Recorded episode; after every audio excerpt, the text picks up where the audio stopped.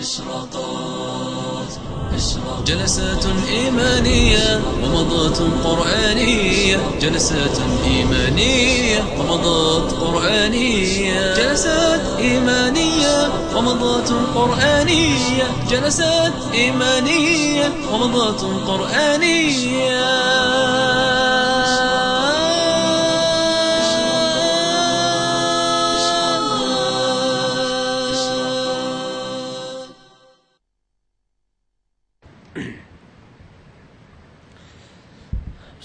الرحمن الرحيم. إن الحمد لله نحمده ونستعينه ونستغفره ونتوب إليه ونعوذ بالله من شرور أنفسنا ومن سيئات أعمالنا ونصلي ونسلم على خاتم رسله وأفضل أنبياء سيدنا وإمامنا محمد بن عبد الله صلى الله عليه وعلى آله وأصحابه وسلم. في سورة النبأ النبأ العظيم الذي هم فيه مختلفون يعدد الله تعالى النعم ومنها كما سلف وجعلنا نومكم سباتا وجعلنا الليل لباسا وجعلنا النهار معاشا. وقلنا إن الليل سمي لباسا لأنه يلبس الكون بظلامه. فكما امتن الله على الناس بالنوم الذي هو من خصائص الحيوان الكائن الحي الإنسان والحيوان والطائر ونحوها انتقل إلى ما هو أعم وهو الليل. والليل هو وعاء أو ظرف للنوم. وهذه مناسبة لذكره. ولهذا من المؤكد أن نوم الإنسان في الليل أفضل من نومه في النهار. حتى إن العلماء يقولون إن ساعة نوم واحدة في الليل أفضل من ساعتين للنوم في النهار. لأن الليل مناسب بهدوئه وصفائه للاسترخاء وأخذ قسط من الراحة. فهنا الله سبحانه وتعالى قال وجعلنا الليل لباسا. لباسا لباسا للكون. فهو أشبه ما يكون بالثوب أو الجلباب الذي يلبسه الكون. فتظلم الأكوان والأرض والأشياء والجو. ومن ذلك الإنسان. إذن هو أولا لباس للكون. ثم هو لباس للإنسان ذاته. وذلك أن الليل يعطي كما قلت من استرخاء وهدوء الأعصاب قدرا كبيرا وغالب الناس يجدون راحة في الليل ولذلك يجدون في الليل لحظات للأنس ولحظات للسمر ولحظات للجلسات الممتعة ما لا يجدون في النهار. فجو الليل فيه تألق وفيه رومانسية وفيه حلاوة لا توجد في أجواء النهار وهذا جزء من معنى كونه لباسا يعني بعدما كان لباسا للكون أصبح لباسا للإنسان. وهنا ذكر القرطبي رحمه الله عن بعضهم قال بعض المغفلين أنهم قالوا إن الليل ما دام الليل لباس يجوز للإنسان أن يصلي فيه وهو عريان لأن الليل بحد ذاته يكفي يعني لللباس. وهذا لا شك أنه ليس من أقوال العلماء وإنما هو من أقوال أهل الغفلة. فالليل كونه لباس لباس في معاني متعددة لكن لا يغني عن اللباس الحسي الذي امتن الله به على الناس لباسا يواري سوآتكم وريشا ولباس التقوى ذلك خير. وأيضا من معاني آه، قوله سبحانه وجعلنا الليل لباسا أن الليل فيه نوع من الستر. فالناس ينقطعون في الليل غالبا عن كثرة الحركة والذهاب والإياب والخروج والولوج.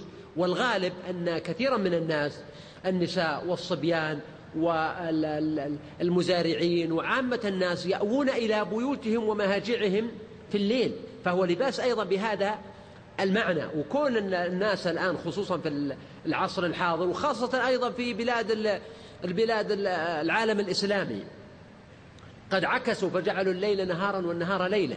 بينما لا زلت تجد في بلاد الغرب في أوروبا وفي أمريكا غالبا عندهم آه، بعد الساعة التاسعة ليلا ربما الحياة تهدأ إلى حد كبير وتجد الناس أووا إلى بيوتهم وإلى مخادعهم ومهاجعهم.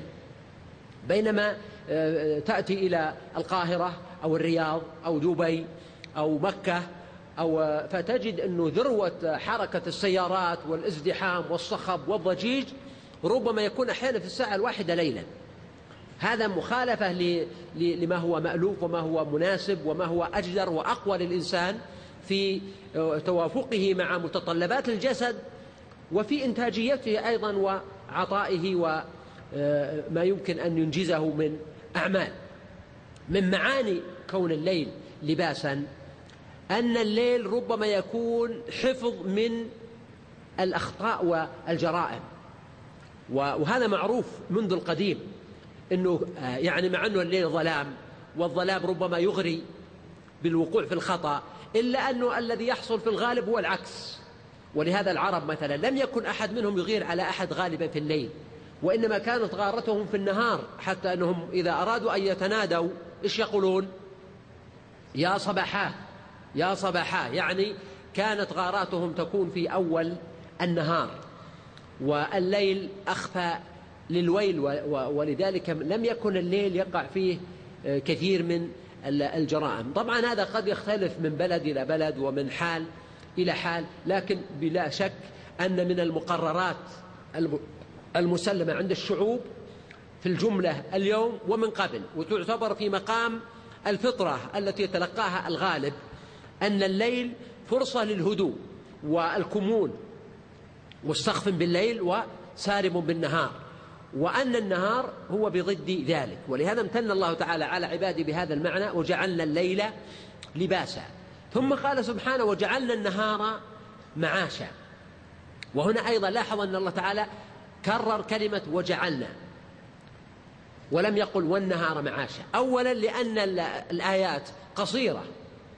فلو قال والنهار معاشا تكون الآية اختزلت كثيرا بينما إذا أتي بالفعل معها وكرر أصبحت معتدلة ومتناسبة مع ما قبلها وما بعدها.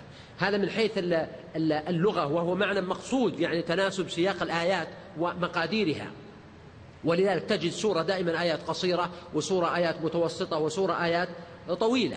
وأيضا هذا فيه دليل على تكرار التذكير بالنعمة واستحضار صنع صنع الله سبحانه وتعالى. وذلك لأن كثيرا من الناس بسبب الإلف والاعتياد ينسون هذه النعم هذه الشمس التي تشرق عليهم كل يوم ثم تغيب.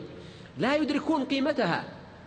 ولذلك يقول أحد الكتاب يقول إن الإنسان يرى مثلا في أيام الربيع الدنيا كلها في مهرجان أخضر وتجده يمر أو في بعض المناطق الزراعية الخضراء يمر فيها والأمر معتاد جدا بالنسبة له. لا يلفت نظره. لكن لو جاء إلى أيام الخريف واليبس ثم وجد في وسط هذا الجو اليابس بذرة صغيرة خضراء تجد يقف عندها ويستعجب ويندهش ويقول سبحان الله. متعجبا من كونها خضراء بينما ما حولها يابس. وينسى أن القدرة هي في الحالين واحدة.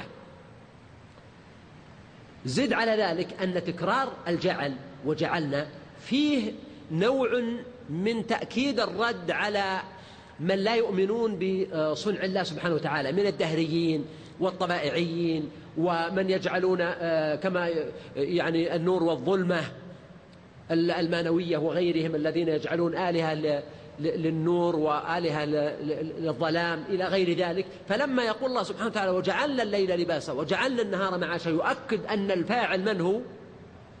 هو الله سبحانه وتعالى. وجعلنا النهار معاشا. وأقرب ما يكون من معنى كلمة معاش أنه ظرف لطلب العيش والتصرف في شؤون الرزق. وإلا فالإنسان يعني بالنسبة للأكل والشرب وتعاطي الرزق يكون في الليل وفي النهار. لكن الضرب في الأسواق والمصالح والتصرف فيها يقع في الليل غالبا أكثر مما يقع في النهار. وهذا مشاهد حتى أنك تجد أن أمم الأرض كلها الآن الدوام عندهم الدوام الوظيفي أو المدرسي متى يكون؟ يكون في النهار. وكلما كان أبكر يبدأ الساعة السابعة صباحا أو الثامنة صباحا انقطعوا بعد ذلك وتركوا بقية النهار والليل كله للراحة. إذا الله تعالى يمتن على الناس بأشياء من مسلمات حياتهم ومستقر أمورهم ومعهود عاداتهم.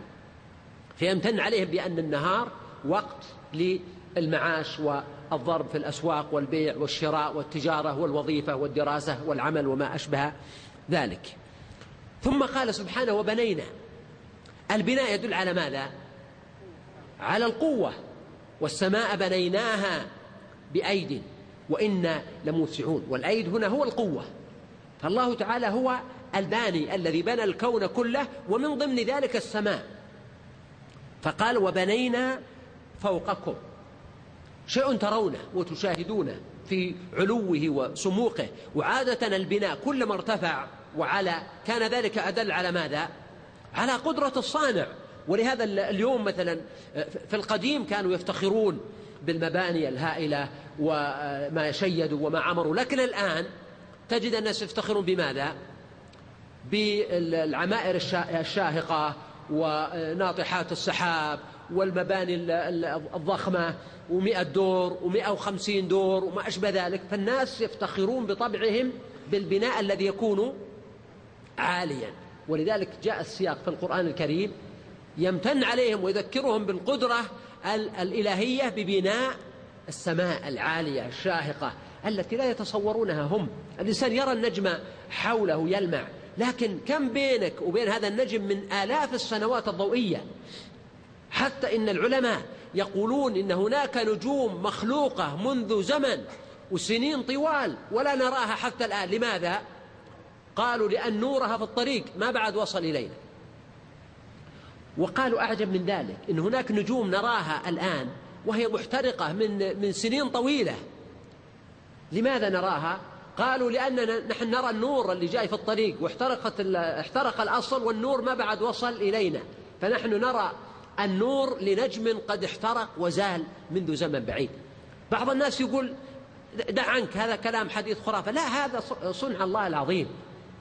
كون الإنسان أحيانا آه، لا يستطيع أن يستوعب هذه العظمة بعقله هذا من طبيعة الإنسان. وإن كان العلماء المتخصصون يدركون شيئا مذهلا خصوصا الذين يعكفون في على أجهزتهم وأجرامهم ويشاهدون من خلال المكبرات الهائلة هذه القبة الزرقاء ونجومها وتلألؤها وشموسها وأقمارها ومجراتها.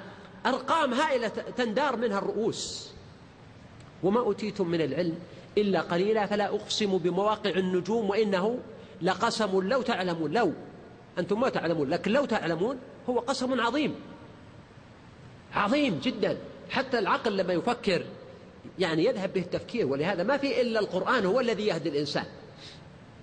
فهنا الله سبحانه وتعالى قال وبنينا فوقكم سبعا شدادا. سبع سماوات. ووصفها سبحانه بأنها شداد جمع شديدة. إذا هي قوية محكمة محصنة. الشدة هنا من معانيها الإحكام بحيث لا تستطيع الشياطين أن تصل إليها. ولا يستطيع البشر أيضا. ولهذا كل إمكانيات البشر وقدرات البشر وحديث البشر هو في ما دون السماء الأولى والكلام في النجوم والله أعلم والمجرات والأفلاك وإلا في السماوات التي بناها الله تعالى فوق. هذا مما لم يصل إليه علم البشر ولم يحيطوا به علما. وكذلك النجوم. وأيضا من معاني الشدة القوة والإحكام ومتانة البناء. إذا هي شديدة من حيث أنها حصينة عن أن يصل إليها آه، شيطان من شياطين الإنس أو الجن وهي أيضا حصينة بإحكامها وقوة بنائها. والبشر كلهم يؤمنون بأن فوقهم سبع سماوات. هذا من مألوف البشر أيضا وموروث الثقافة عند معظم أو كل الشعوب. وهو أيضا جاء في القرآن الكريم في عشرات المواضع. الله الذي خلق سبع سماوات ومن الأرض مثلهن. ألم تروا كيف خلق الله سبع سماوات طباقا؟ إذا النص على أن لله تعالى سبع سماوات في القرآن نص وارد في مواضع كثيرة وهو يدل دلالة قاطعة على أن فوقنا سبع سماوات وأنها طباق يعني بعضها فوق بعض. والأقرب أن هذا هو المقصود في هذه الآية وهو الذي عليه جمهور المفسرين. بينما قال الشيخ الطاهر بن عاشور في التحرير والتنوير إن المقصود هنا بسبعا شدادا ربما يكون النجوم السيارة السبع التي هي زحل والمشتري وعطارد والمريخ والزهرة والقمر والشمس النجوم السبعة. وقال هذا هو الأقرب لأنها سبع بعد وإحصاء العلماء ولأنها معروفة للمخاطبين بحيث يمكن أن يستدل آه، بها ويمكن أن يحتج عليهم بها. والأقرب هو ما ذهب إليه الجمهور كما أسلفت أن المقصود سبع سماوات كما في مواضع أخرى كثيرة في القرآن الكريم. وكون الناس لا يعرفونها بالرؤية فإن الله تعالى يعرفهم بها في القرآن الكريم ويحتج عليهم بما هو معروف. فإنهم يرون آه، من هذه السماء التي يشهدونها ونجومها وشموسها وأقمارها ومجراتها. وأيضا القرآن الكريم هو احتجاج على الناس في كل زمان وفي كل مكان. في العصور السابقة لم يكن عندهم إلمام ومعرفة بهذه المجرات الهائلة وهذه الأرقام الفلكية وهذا البعد الذي تدور منه الرؤوس لم يكونوا يعرفونه. وكلما تقدم العلم زاد فهم الناس وتعمق لبعض الألفاظ ودلالاتها. وجعلنا سراجا وهاجا. وهذا أيضا مما يدل على أن المقصود السماوات لأن الشمس هي أحد النجوم. السبعة. فالأقرب أنه, أنه ذكرها بعدما ذكر السماء ذكر بعض ما في السماء وهي الشمس. فقال وجعلنا سراجا وهاجا. ووصفها الله تعالى بأنه أولا لم يذكر اسمها اكتفاء بما هو معلوم وسماها هنا سراجا. وكونها سراج معناه أنها تضيء الكون. إذا الحجة الأولى والنعمة الأولى هو الإضاءة. فهذه الشمس عبارة عن مصباح ضخم هائل معلق في الفضاء لا يمسكه إلا الله وهي ضخمة جدا أضخم من الأرض بمرات. ومع ذلك يراها الرائي لبعدها هذا الحجم الصغير. فهي إذن فيها الإضاءة وهي النعمة الأولى. النعمة الثانية في قوله وهاج والسراج الوهاج هو المتوقد. ففي ذلك أيضا إنعام آخر بالإنضاج والحرارة. والحرارة هنا إحدى النعم العظيمة في الكون. والعلماء يتكلمون عن نفع الحرارة نفع الحرارة للإنسان للجو للأرض للبحار للمطر لإنضاج النبات والزرع وغير ذلك. فهي نعمة عظيمة جدا. ويقولون إن الشمس لو كانت أقرب مما هي عليه الآن لربما أحرقت الكون. ولو كانت أبعد لربما تجمد الكون من البرودة. فالله تعالى هو الحكيم الذي وضع الشيء في موضعه. وجعلنا سراجا وهاجا. ثم قال وأنزلنا من المعصرات ماء ثجاجا. وهذا له علاقة بالشمس كما أسلفنا. فالشمس هي أحد أسباب تبخر ماء البحر ليكون مطرا غيثا. فهنا الله قال وأنزلنا سبحانه من المعصرات. إذا لما تقرأ وجعلنا وأنزلنا وبنينا تشعر بالقدرة الإلهية وهي وراء كل شيء وهي وراء كل شيء.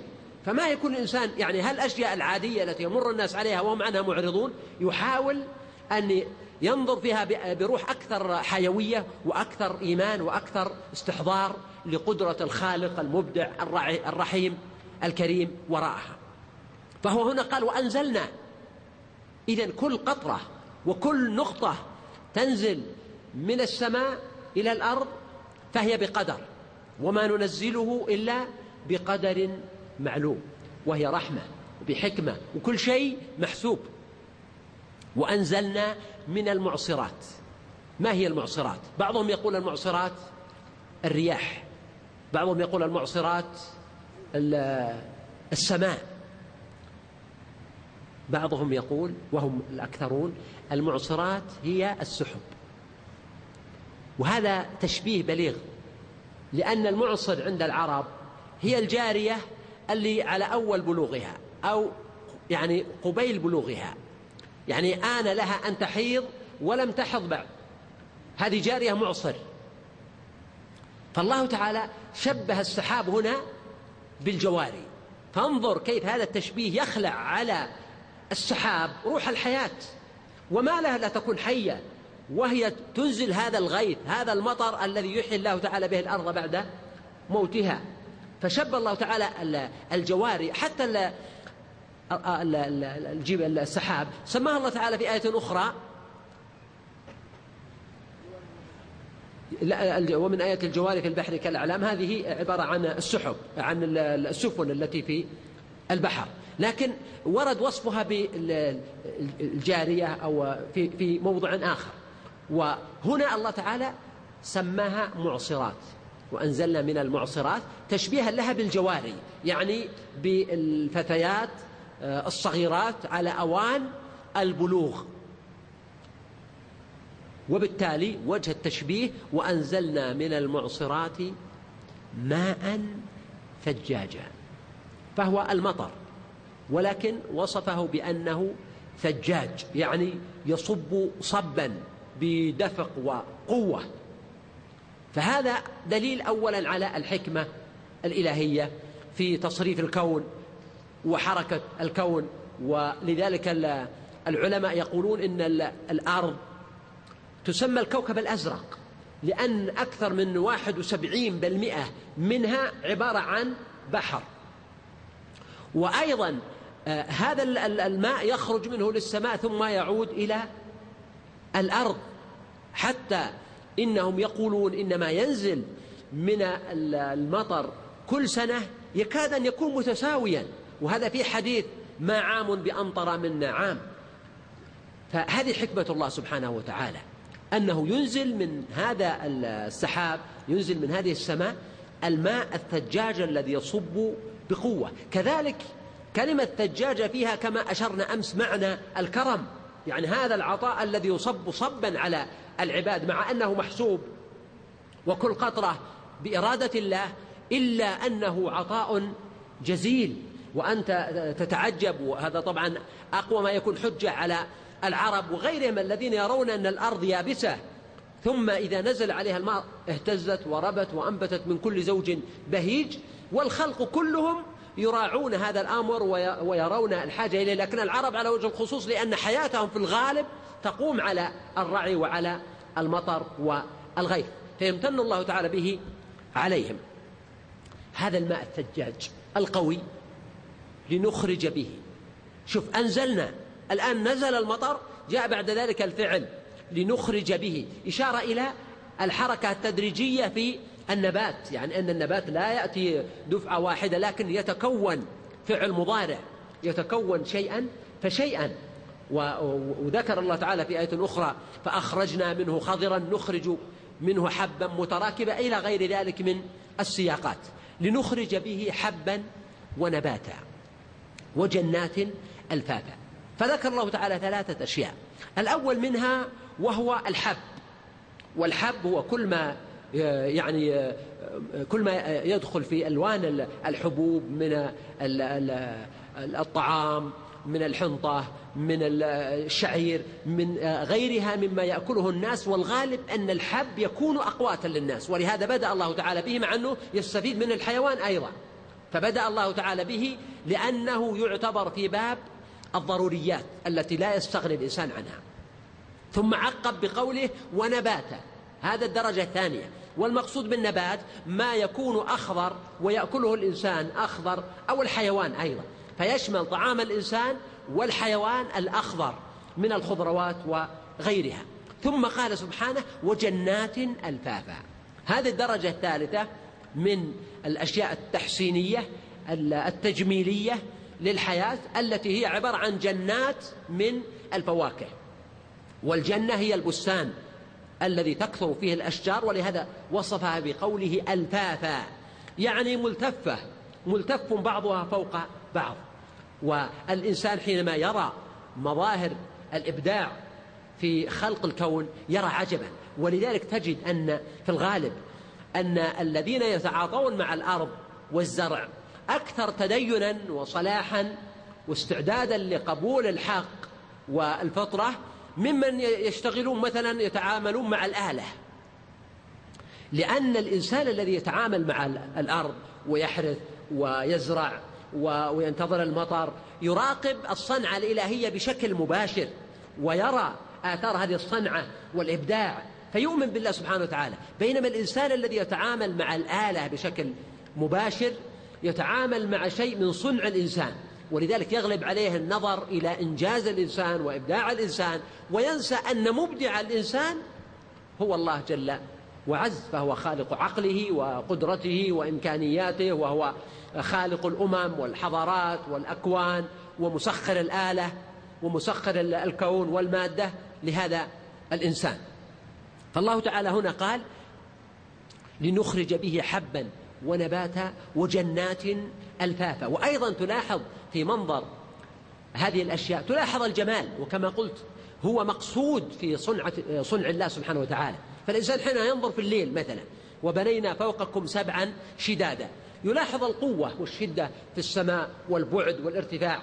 لكن ألا تلاحظ الجمال في هذه النجوم التي تومض وتضيء وتشرق وكأنها تتهامس أو تتناجى في هذا الليل المظلم وهي عبارة عن مجموعات ومستويات.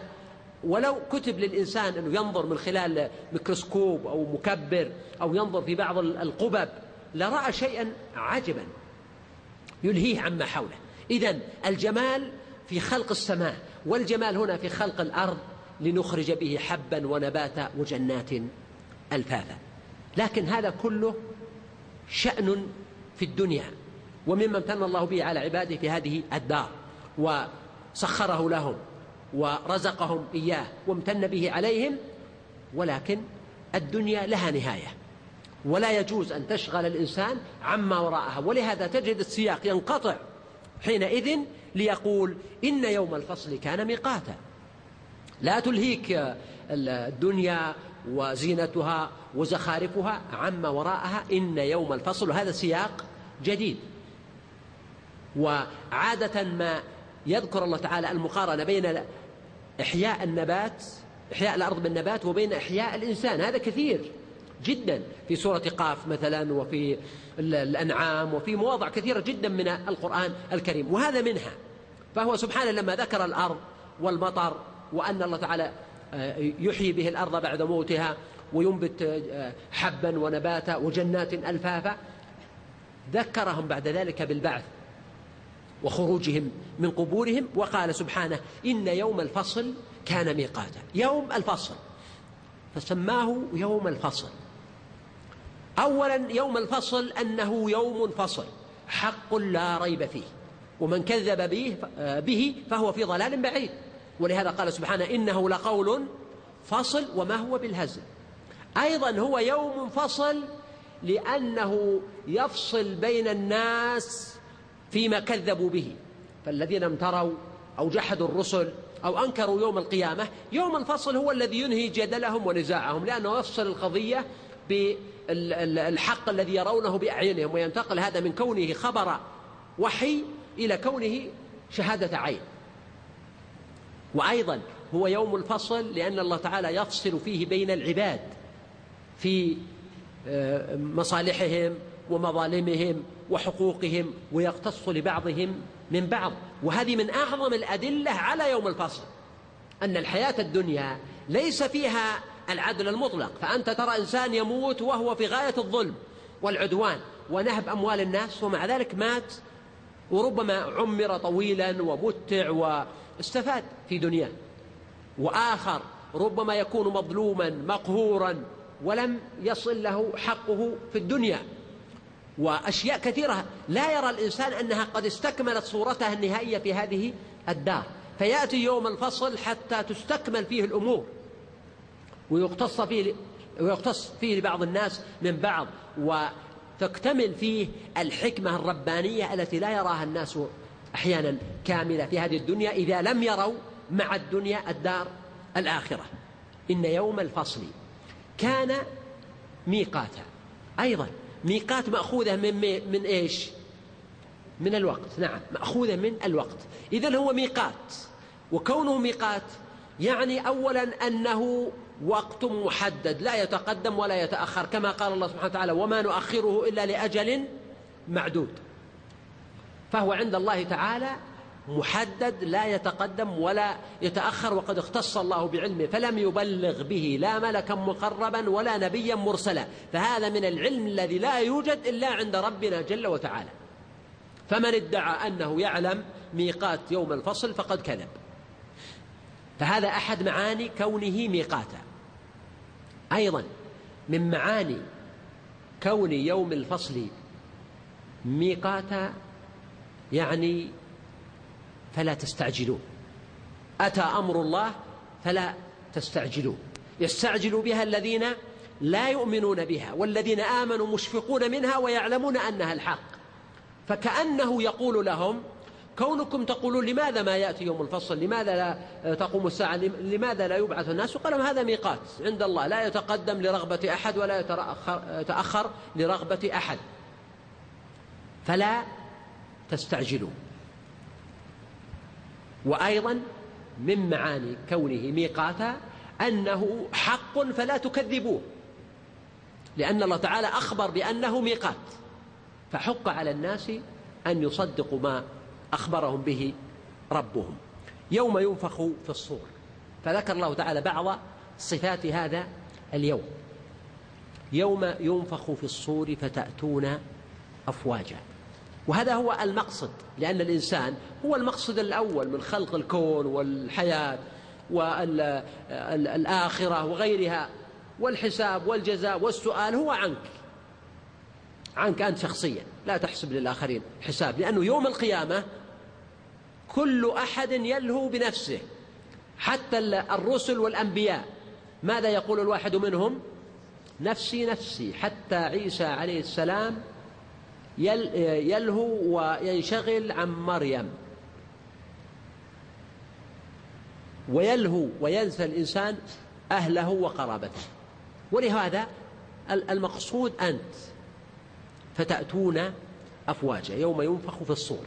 إذا هنا النفخ في الصور هذا للحياة.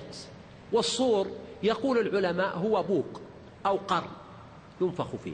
بوق نعم قرن هذا اسمه في اللغة.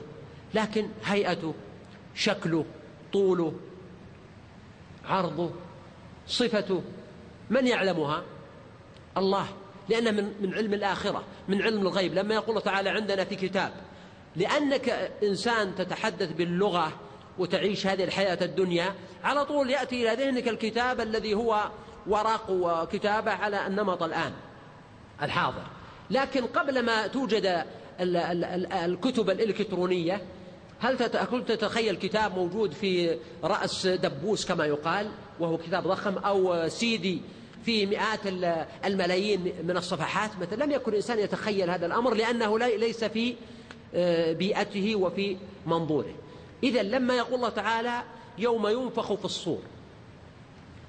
نؤمن بأنه ينفخ في الصور. ونتيجة لذلك تأتي الصيحة أو الرادفة أو الصاخة أو الطامة التي يبعث الناس بها ويقومون من قبورهم. لكن الجدل أو حتى كل إنسان يتخيل نعيم الجنة أو عذاب النار أو ما يجري يوم القيامة طبيعة الإنسان أنه إذا سمع شيء يمر بذهنه خواطر وصور مما يعرف لكن عليه أن يدفعها ويدرك أن هذا شيء الذي خطر بباله. وما عند الله شيء آخر مختلف لا سبيل إلى إدراكه فلا تحاول. لا تضيع جهدك ووقتك وإمكانياتك اصرفها في النافع اصرفها في البناء في التعمير في العلم في الإصلاح في العمل في الخير في الدعوة في المصالح الدينية أو الدنيوية.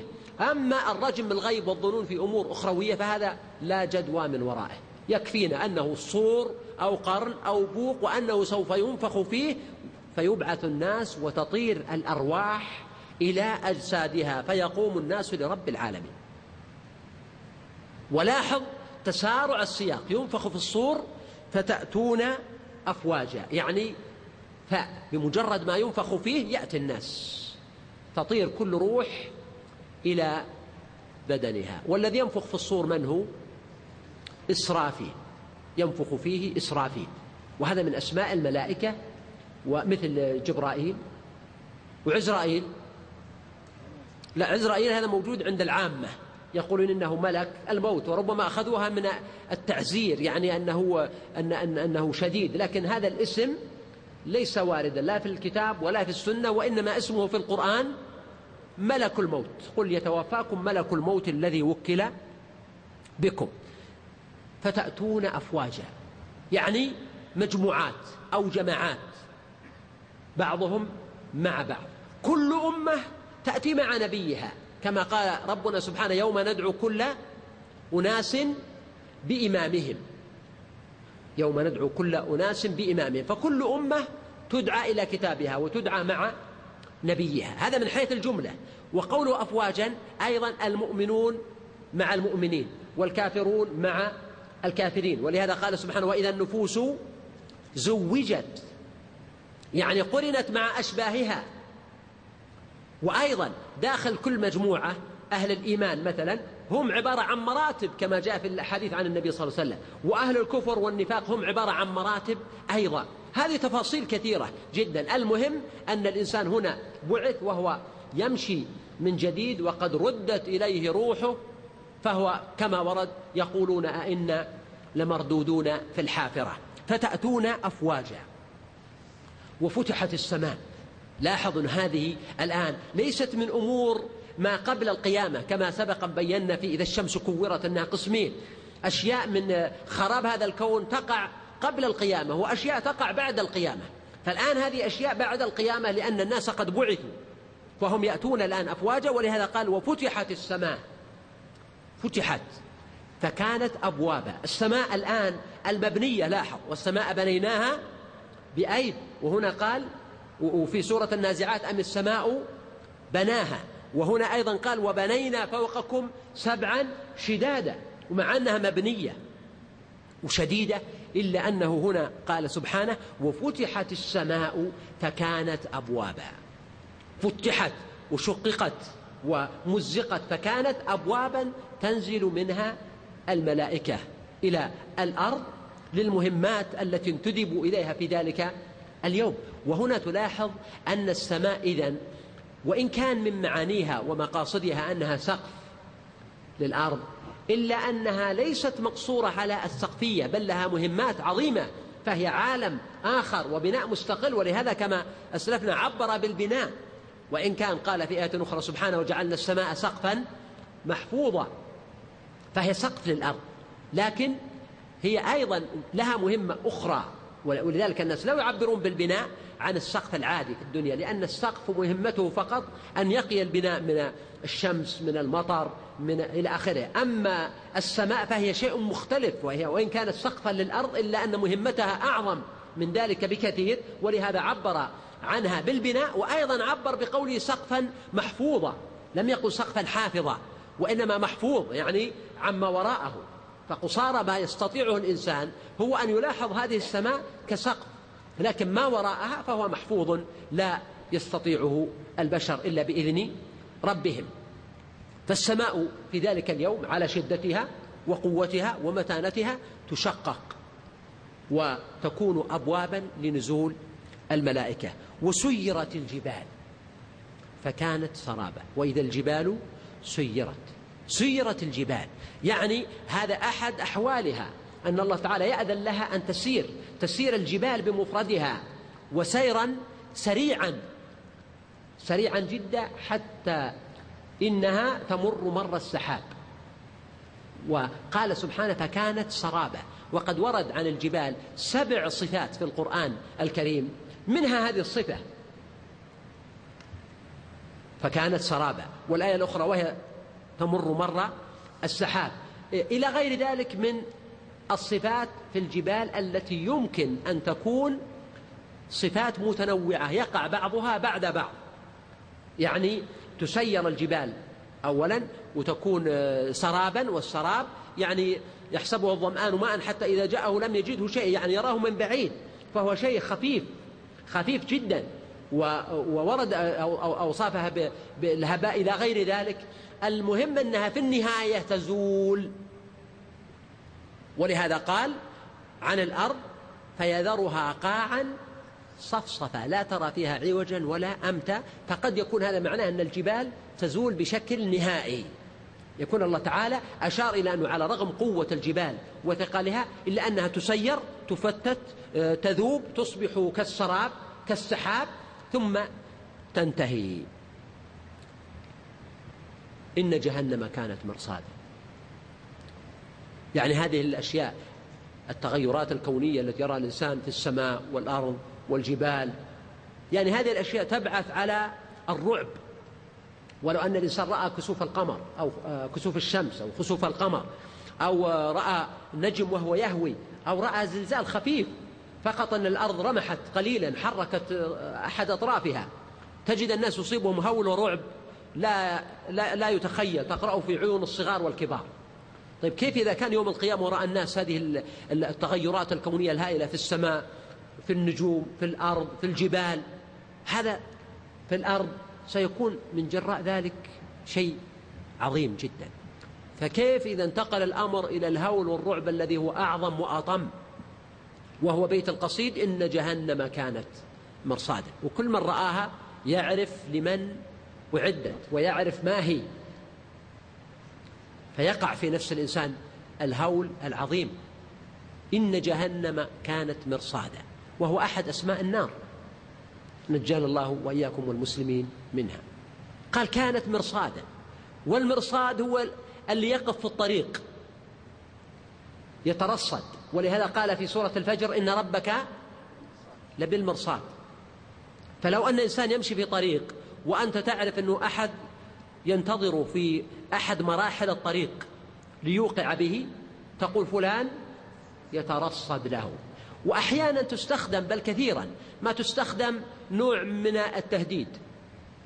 يعني مثل الذي يقول اذهب خذ راحتك انطلق يمينا شمالا تصرف اعبث أنا لك بالمرصاد. طال الزمن أم قصر؟ ففيها تهديد مرعب للنفوس. وكونها مرصادا أن الناس كلهم سوف يمرون عليها وإن منكم إلا واردها. وذلك أن الصراط منسوب منصوب على متن جهنم. فالناس يمرون عليه. يعني حتى المؤمنون والأنبياء والمرسلون يمرون على هذا الصراط لكن منهم من يمر كلمح البصر سرعة البرق سرعة الضوء ومنهم دون ذلك. ومنهم من يمشي ويعثر ومنهم من يسقط ويهوي. فهنا أعطى في البداية الأمر العام وهو أن جهنم مرصاد لأنها في الطريق. حتى إلى الجنة جهنم في الطريق. إن جهنم كانت مرصادا. ثم عقب بقوله للطاغين مآبا فخص بعد العموم. خص الذين تريدهم جهنم وتبحث عنهم وتطلبهم وتعرفهم بسماهم للطاغين مآبا. والطاغي هو من تجاوز الحد. وهذا اللفظ غالبا يطلق على الكفار الذين كفروا بالله وجحدوا آياته وعصوا رسله واتبعوا أمر كل جبار عنيد. واسترسلوا وراء المغريات وراء الشهوات وراء اللذات وراء الدنيا. فيتوعدهم الله سبحانه وتعالى بأن جهنم مرصادا لهم للطاغين مآبا. والمآب هو المرجع. يعني طال الزمن أم قصر فمرجعهم ومصيرهم إليها يؤوب إليها. والعادة أن الإنسان ربما يتعب في سفر أو في رحلة أو عناء ثم يؤوب إلى بيته أو أسرته ويجد الراحة والأنس ويزول عنه العناء والتعب. فكيف إذا كان مرد الإنسان هو العذاب؟ ولعل هذا من معاني قوله سبحانه وأما من خفت موازينه فأمه هاوية. فهنا قال للطاغين مآبا وأيضا المسلمون الذين يعصون الله تعالى لهم من ذلك نصيب. يغفر الله تعالى لمن شاء منهم ويعذب من شاء. ورحمته سبحانه سبقت غضبه. ولكننا نعلم بمقتضى النصوص النبوية المتواترة أن من المؤمنين المسلمين من يعذبون. والدليل أنهم يخرجون من النار برحمة أرحم الراحمين أو بشفاعة المرسلين أو بغير ذلك من الأسباب التي أذن بها رب العالمين. فدل على أن هناك من المؤمنين من أهل المعاصي من يدخل النار ويعد بها ثم يخرج منها. قال لابثين فيها أحقابا لابثين أي ماكثين. ثم قال أحقاب جمع حقب. والحقب أو الحقبة الله أعلم به. بعضهم قال سبعين سنة وبعضهم قال سبعين ألف سنة. ولكن المقصود مددا طويلة دهور. وقال هنا سبحانه لابثين فيها أحقابا. فلم يحدد هذا الأحقاب. ما قال خمسة أو عشرة أو مئة أو ألف أو مليون أو مليار أو تريلون وإنما قال أحقابا. ومن هنا قال جمهور المفسرين أن المقصود دهورا لا نهاية لها. ولمح آخرون أن السياق في قول أحقابا دليل على أنهم يمكثون فيها مدة ولكن لها نهاية ولها أمد. ولذلك اختلف أهل السنة هل النار تفنى أم لا.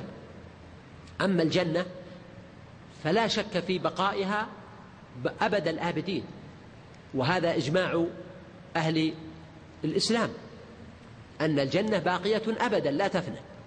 وأما النار فقد ذكر شارح الطحاوية في عند قول الإمام الطحاوي والجنة والنار مخلوقتان لا تفنيان أبدا ولا تبيدان. ذكر لأهل السنة قولين. القول الأول وهو مذهب الأكثرين أن النار باقية أيضا وأصحابها أهل النار الذين هم أهل النار الكفار المشركون باقون فيها أبدا. وأما المؤمنون فيخرجون منها. والقول الثاني أن النار بعدما يخرج منها أهل الإيمان تبقى فترة ثم يأذن الله تعالى بزوالها وفنائها. واستدلوا بهذه الآية لابثين فيها أحقابا. كما استدلوا بقوله تعالى في سورة هود خالدين فيها ما دامت السماوات والأرض إلا ما شاء ربك.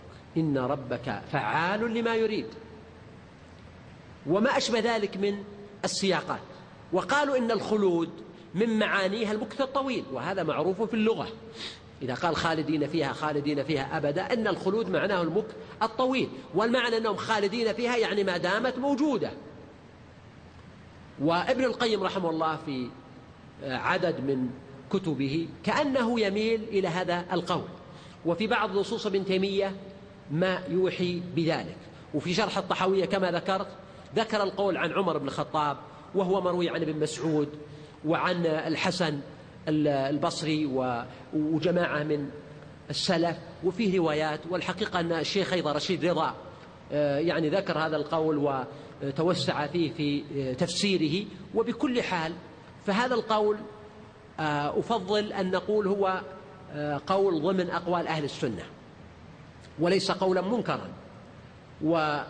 ولا ينبغي أن يتعدى البحث في هذا القول إلى حد التضليل والتكفير والتبديع والملاعنة والمباهلة والصياح والصخب والتأليف والكتابات والردود. لو أن الناس انشغلوا بالهروب من النار والسعي إلى الجنة لكان خيرا لهم. يا عجبا للجنة نام طالبها ويا عجبا للنار نام هاربها. فيقتصر في هذا البحث على القدر الكافي ويترك ما وراء ذلك لرب العالمين.